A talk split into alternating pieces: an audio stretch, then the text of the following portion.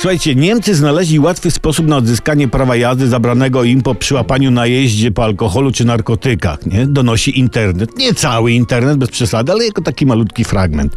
Wystarczy po prostu przyjechać do Polski. Odzyskanie dokumentu e, za Odrą jest drogie i wiąże się ze zdaniem trudnego egzaminu psychologicznego. To wiecie, nie? Dlatego Niemcy przybywają do Szczecina zdawać w miejscowym ośrodku, bo prawo jazdy wydane w jednym kraju Unii ważne jest na terenie całej Unii.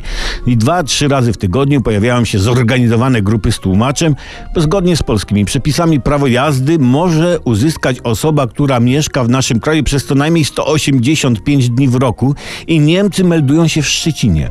I zdarzało się, że w jednym mieszkaniu w jednym czasie było zameldowanych 70 Niemców. Tak było. Słuchajcie, tu już można mówić o polskim obozie.